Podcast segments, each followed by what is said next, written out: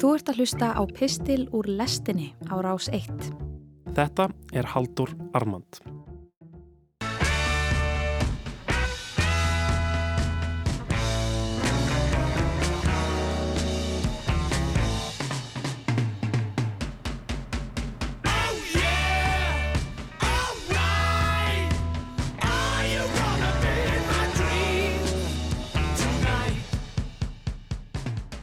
Aþenski stjórnsbyggingurinn Solon móðgaði Krösus Lítiu konung Ílla þegar hann heimsótti hið auðuga konungdæmi þess síðarnemda einhvern tíman snemma á 50 öld fyrir Krist. Sjáum þetta fyrir okkur. Tveir grískir karlar að rögræða á tröppum konungshallarinnar í Sardis, höfuðborg Lítiu, á sólríkum degi. Krösus konungur baðar út höndum og bendir sínum virðulega gesti á kennileiti borgarinnar og sínir honum allan munaðinn, allan dýrðina og íbyrðin sem hann býr við. Og síðan spyr hann gestin, hefur hann okkur sinni séð eða hitt fyrir farsætli mann en mig? Og hérna kemur móðguninn.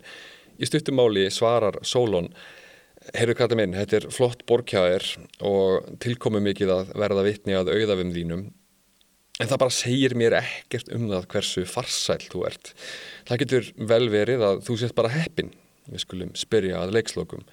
Sjáum hvernig staðan er þegar lífið þínu líkur. Þá fyrst getur við lagt einhvern dóm á það hversu farsæl þú varst. Guðin lofar mörgum farsæld en slítur þá svo upp með rótum og eyðir. Og spólum nú nokkur ár fram í tíman. Krössus konungur stendur á bálkesti í þessari sömu borg sem Kýrus persakonungur hefur herrtekið. Ég sé þetta ljóslifandi fyrir mér. Hinn glæsilegi konungur Kýrus stendur álengdar, brúna þungur með gull kórunu, augu hans í senn dreimin og einbeitt. Þar sem hann fylgist með hermönum sínum, bjástra við að tendra eld undir hinnum snauða lítiukonungi Krössusi sem eitt sinn var sá auðuasti í heimi.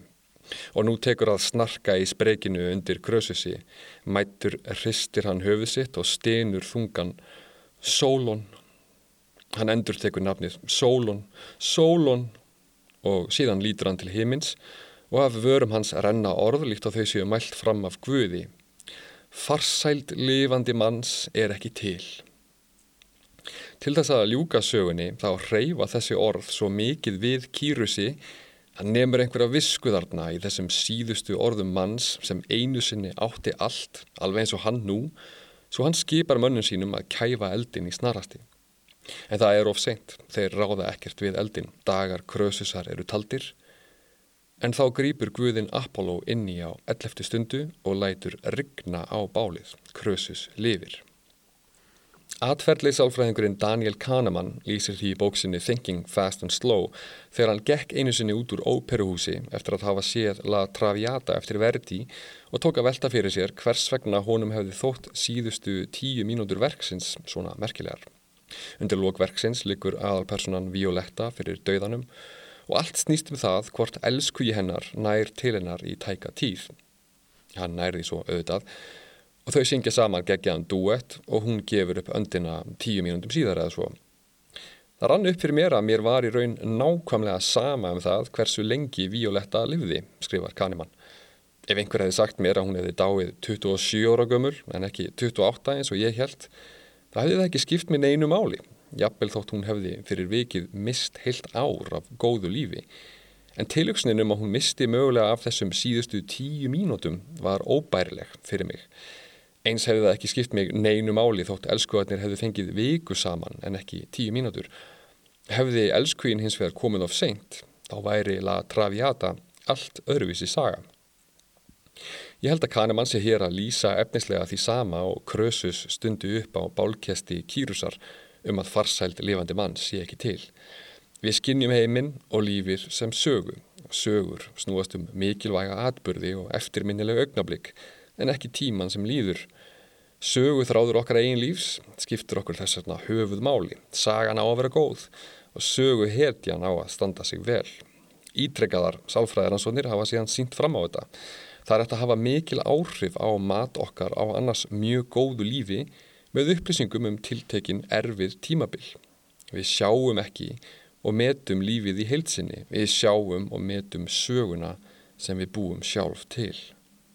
Kahneman gerir greinamun á því sem hann kallar upplifunar sjálf okkar og endurminningar sjálfið. Þetta er auðvitað bara lýsing af því hvernig lífið fyrir fram. Við lifum því og svo munum við það.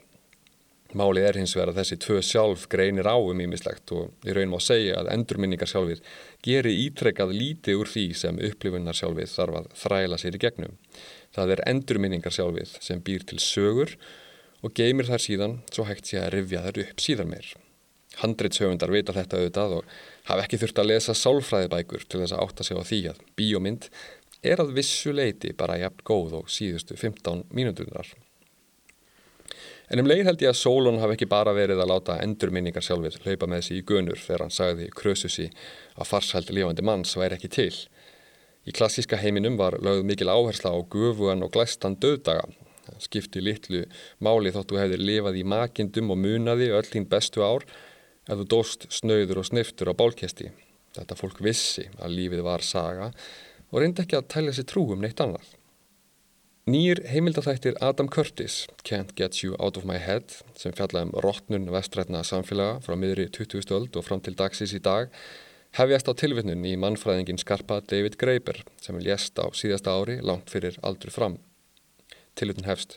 Hinn endanlegi, duldi sannleikur um heiminn er sá að hann er eitthvað sem við búum til og gætum allt eins búið til, allt öðruvísi en hann er. Tilvittun líkur. Okkar eigins tilvera er saga eins og Solon og Kahneman skilja en heimurinn sjálfur, valda struktúrar hans og samfélagsgerðir eru líka ímyndun. Lífið sem við lifum og umgjör þess gæti verið allt öðruvísi en við eigum erfitt með að ímynda okkur það vegna þess að við þekkjum ekkert annað en að búa í þessari sögu. Sagan sem Curtis segir er drungaleg. Það er saga um samfélagi í eðimerkurgöngu Saga um samfélög sem viltust af leið þegar vestrænt fulltrúalýðræði hætti að snúast um það að vernda hagsmunni almennings, stjórnmálastjættin gekk í lið með alþjóðleiri fjármálaelitu og fólkir leitaði skjóls fyrir andan í výmu einstaklingsheikunar. Curtis beitir sömu tækni og ég gerir hér. Hann vefur losaralegan hugmyndavef, tengir saman óskild fyrirbæri, tilfinningar og atbyrði og fyllir í eðurnar með sterkri afstöðu og stórum fullirringum sem halda eða halda ekki í vatni og gætir þess að það sé aldrei almennilega á hreinu hvað hann er nákvæmlega að segja. Útkoman er frábær og óskýr saga þar sem það er aldrei döður punktur. Þættirnir eru svo grýpandi innmitt vegna þess hversu óskýrir þeir eru. Þar er svo mikið ráefni þarna fyrir sagna vélina í höfði áhórandans. Mér finnst sagan fyrst og fremst góð vegna þess að hún passar við og styrkir þá sögu sem er ráðandi í mínu einu höfði sem er svo saga að árið 2020 hafi 20. öldin endað. Já, þú heyrðir rétt. 21. öldin hófst ekki um aldamótin heldur í fyrra og heimurinn eftir tíu ár verður óþekkjanlegur frá samtímanum. Já, sagan er búinn. Það snarkar í bálkestunum. Sólon, sólon. Það er ný saga í mótun og við getum litið um auksl með körtis og kinga kolli. En hver veit nema Apollo sé reyðbúin til að láta regna á okkur einu sinni enn.